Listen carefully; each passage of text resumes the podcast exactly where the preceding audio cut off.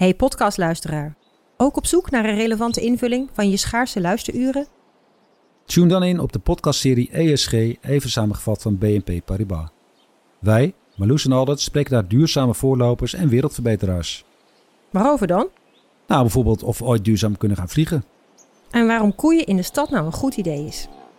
Dat en meer elke twee weken in een nieuwe aflevering. Dus abonneer je. ESG, even samengevat. Al 125 jaar kwaliteit voor jou thuis met Miele. Dat vieren we met jou. Ontvang nu tijdelijk een cashback tot 125 euro op veel Miele-apparatuur. Geniet van de kwaliteit van Miele. Voor perfect verzorgd wasgoed en kleding die veel langer mooi blijft. Voor een stralend schone vaat, even perfect als jouw diners. En een stofvrij thuis waarin echt hygiënisch schoon de standaard is. Check miele.nl voor alle feestelijke aanbiedingen. Vanaf de redactie van NRC het verhaal van vandaag. Mijn naam is Thomas Ruip.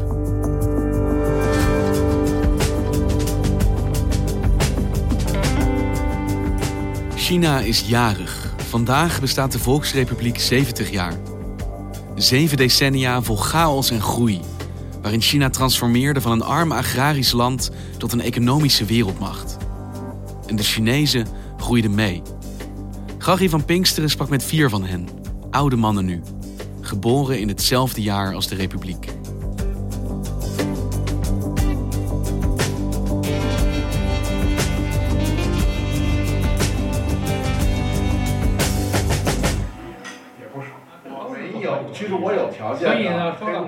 We hebben gisteren een banket bijna gehad aan de hoeveelheid gerechten die er op tafel stond. Er stonden doorregen speklapjes. Er stond Peking eend op tafel. Er stond uh, nog verschillende soorten van groenten op tafel. Het was echt een hele overvloedige tafel. En met wie was je? Ik was daar met uh, eigenlijk mijn oudste vriend in China. En met drie mensen met wie hij in de klas heeft gezeten als middelbare scholier. En ja, die kent hij dus vanaf dat hij 13 is. Maar het zijn inmiddels al aardig oude knarren. Ze zijn allemaal bijna 70. En daarmee zijn ze allemaal in het jaar geboren, of net het jaar na geboren, dat ook de Volksrepubliek China is geboren. Want die bestaat op 1 oktober 70 jaar. Ik was heel erg benieuwd naar hoe zij hun leven hebben ervaren in de Volksrepubliek. Wat zij ook vinden bijvoorbeeld van, van de communistische partij in de Volksrepubliek. Maar ook vooral wat er gebeurd is in hun eigen leven. Wat direct te maken heeft met de grote geschiedenis van China. Want in China is het heel sterk zo dat uh, ja, hoe zo'n leven dan verloopt... echt heel erg ook bijna aan de Chinese politiek verwant is. Hoe zag China eruit 70 jaar geleden toen de republiek geboren werd... en deze mannen dus ook ter wereld kwamen? Nou, het was een heel verdeeld land geweest.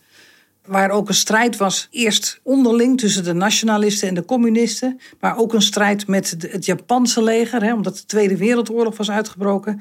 En uiteindelijk is Mao uit die strijd als overwinnaar naar voren gekomen. En die heeft op 1 oktober 1949 op het plein van de Hemelse Vrede, op de poort die daar stond, heeft hij de Volksrepubliek China uitgeroepen.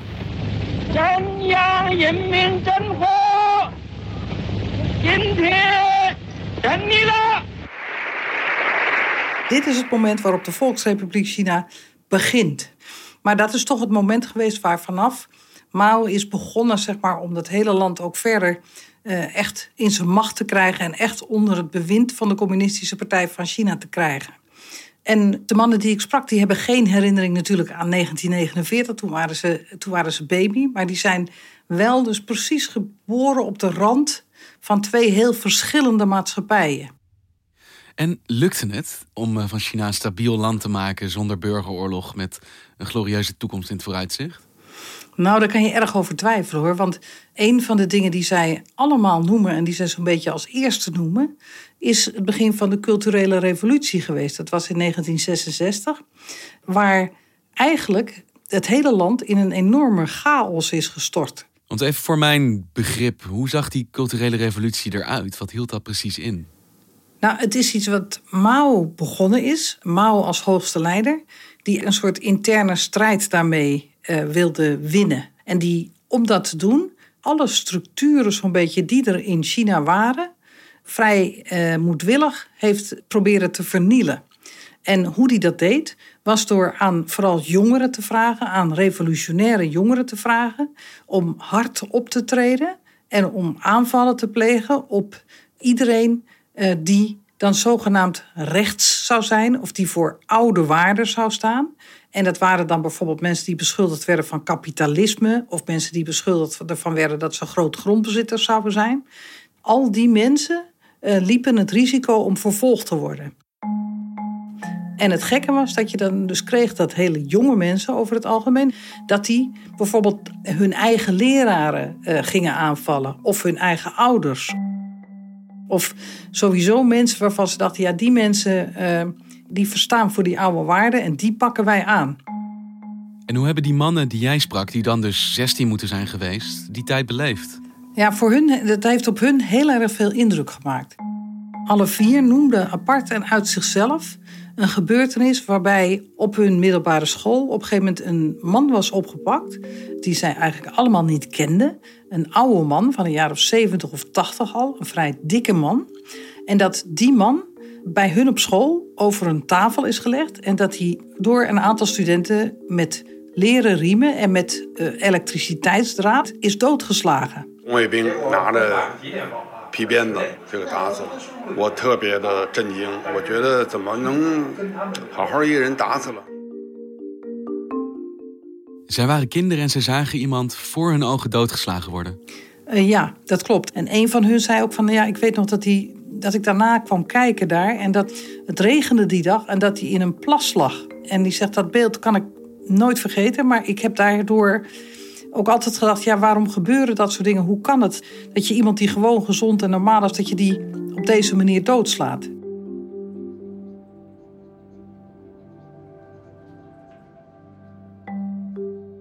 En alle vier hebben ze daardoor ook wel een achterdocht gekregen tegenover uh, ja, tegenover wat leiders ze lieten doen, of wat er van hogerhand bepaald werd, of wat er wel of niet normaal zou zijn. En juist denk ik ook die achterdocht of die neiging om zelf vragen te stellen en niet zomaar achter anderen aan te lopen, is denk ik wel vrij typerend. In ieder geval voor deze vier mannen en misschien ook wel een beetje voor deze generatie.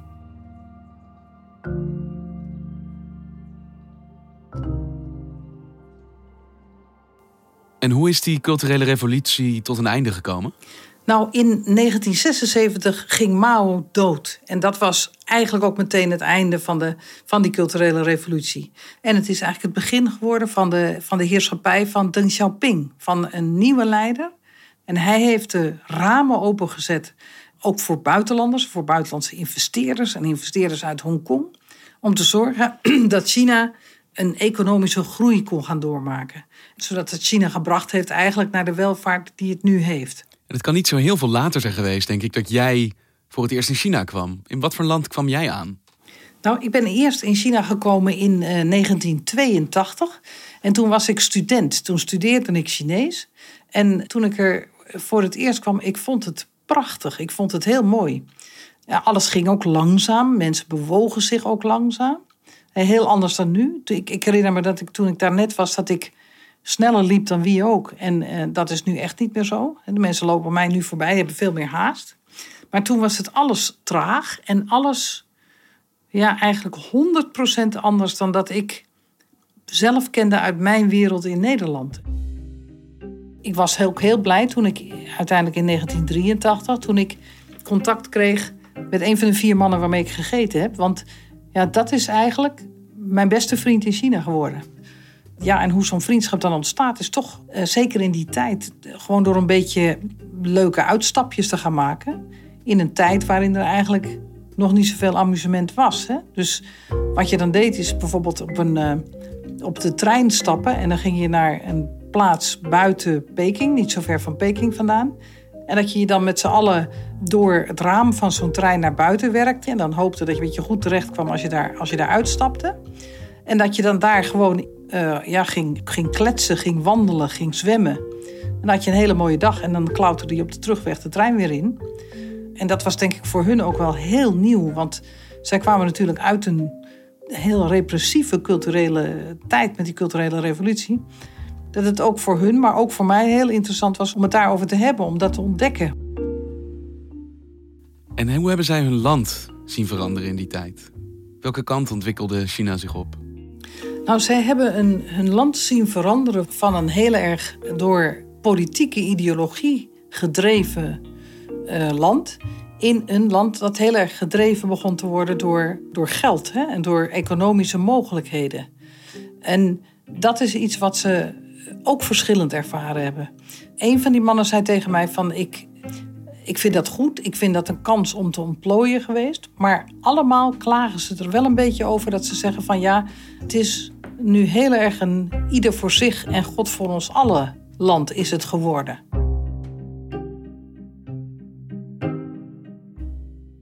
we beginnen natuurlijk wel in de richting te komen van een ander historisch eikpunt uit China, wat iedereen kent. 1989, de studentenprotesten.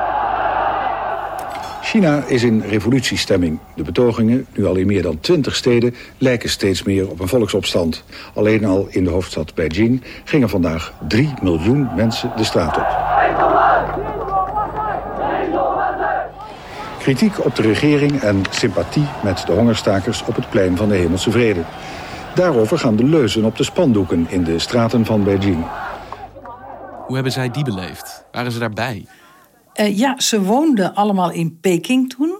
En uh, het grappige is dat zeker twee of drie ook naar het plein van de Hemelse Vrede zijn gegaan.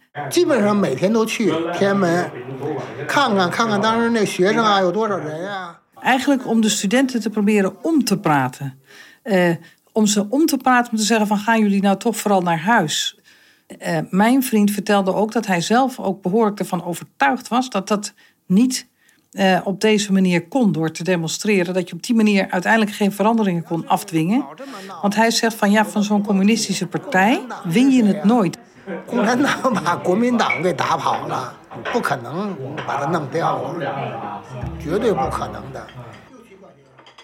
Hij zegt, ik vond die studenten heel erg naïef. Ik snapte heel goed waarom ze demonstreerden. Ik snapte ook heel goed dat ze veranderingen wilden. Maar ik dacht, jongens, als jullie het zo doen, uh, dan krijg je alleen de deksel op je neus. Dit gaat zo niet werken. Want jullie weten niet tegenover wat voor een enorm machtige partij jullie staan. En het interessante was dat hij ook een link maakte met de opstanden die op dit moment in Hongkong plaatsvinden. En die uh, ja, ook tegen de Chinese overheid zijn gericht uiteindelijk. Hij zei van ook die studenten die doen eigenlijk hetzelfde weer als wat de studenten in 1989 hebben gedaan. En die zullen op dezelfde manier uiteindelijk hun zin niet kunnen krijgen.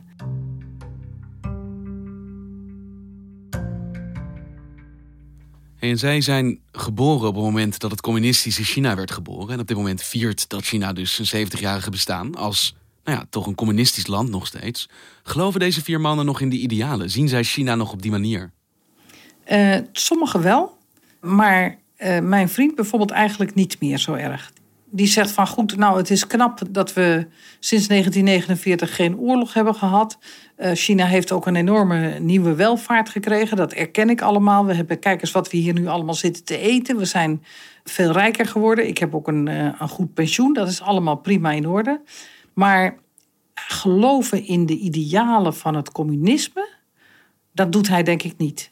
Een van de vrienden zei zelfs: van, Ik ben lid geworden van de Communistische Partij. Juist omdat ik dacht: als ik dat doe, kan ik meer doen voor de maatschappij en meer doen voor mijn medemens.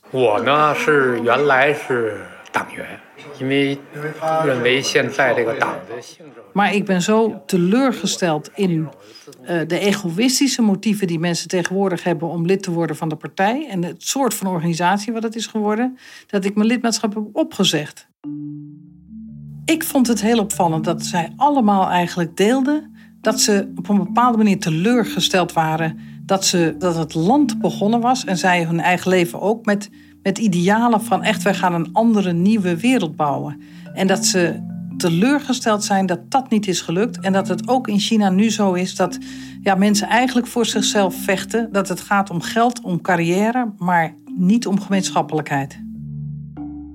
En jouw vriend, de man met wie je vroeger in meertjes ging zwemmen, uit treinramen klom, is dit voor hem een feestelijke dag vandaag? En misschien gaat hij wel kijken gewoon op de televisie uit interesse. Maar ik geloof zeker niet dat hij nou dol enthousiast is van... Uh, we vieren nu het 70-jarig bestaan van een, uh, van een land dat, dat hij zelf als ideaal zou omschrijven. Deze mannen zijn natuurlijk op een heel specifiek moment geboren. En na hen zijn natuurlijk heel veel generaties nog gekomen. Hebben zij het gevoel dat zij anders zijn dan die generaties die na hen kwamen? Voelen zij zich begrepen door hen?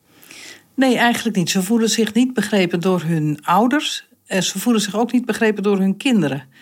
Hun ouders waren vaak mensen die heilig in het, in het communisme en in het land geloofden en ook bleven geloven.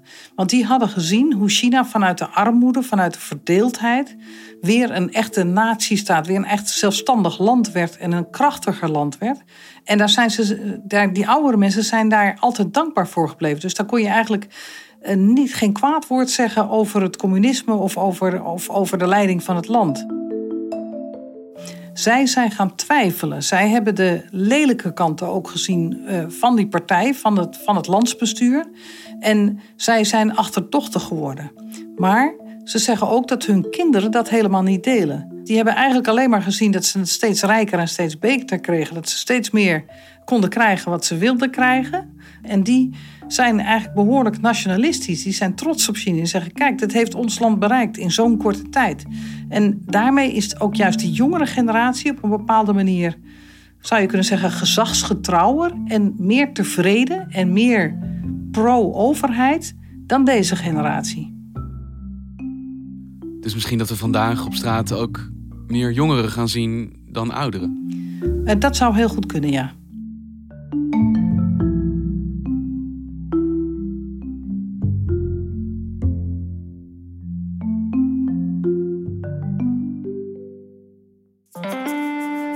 Dankjewel, Gary. Je luisterde naar vandaag, een podcast van NRC. Eén verhaal, elke dag. Dit was vandaag, morgen weer.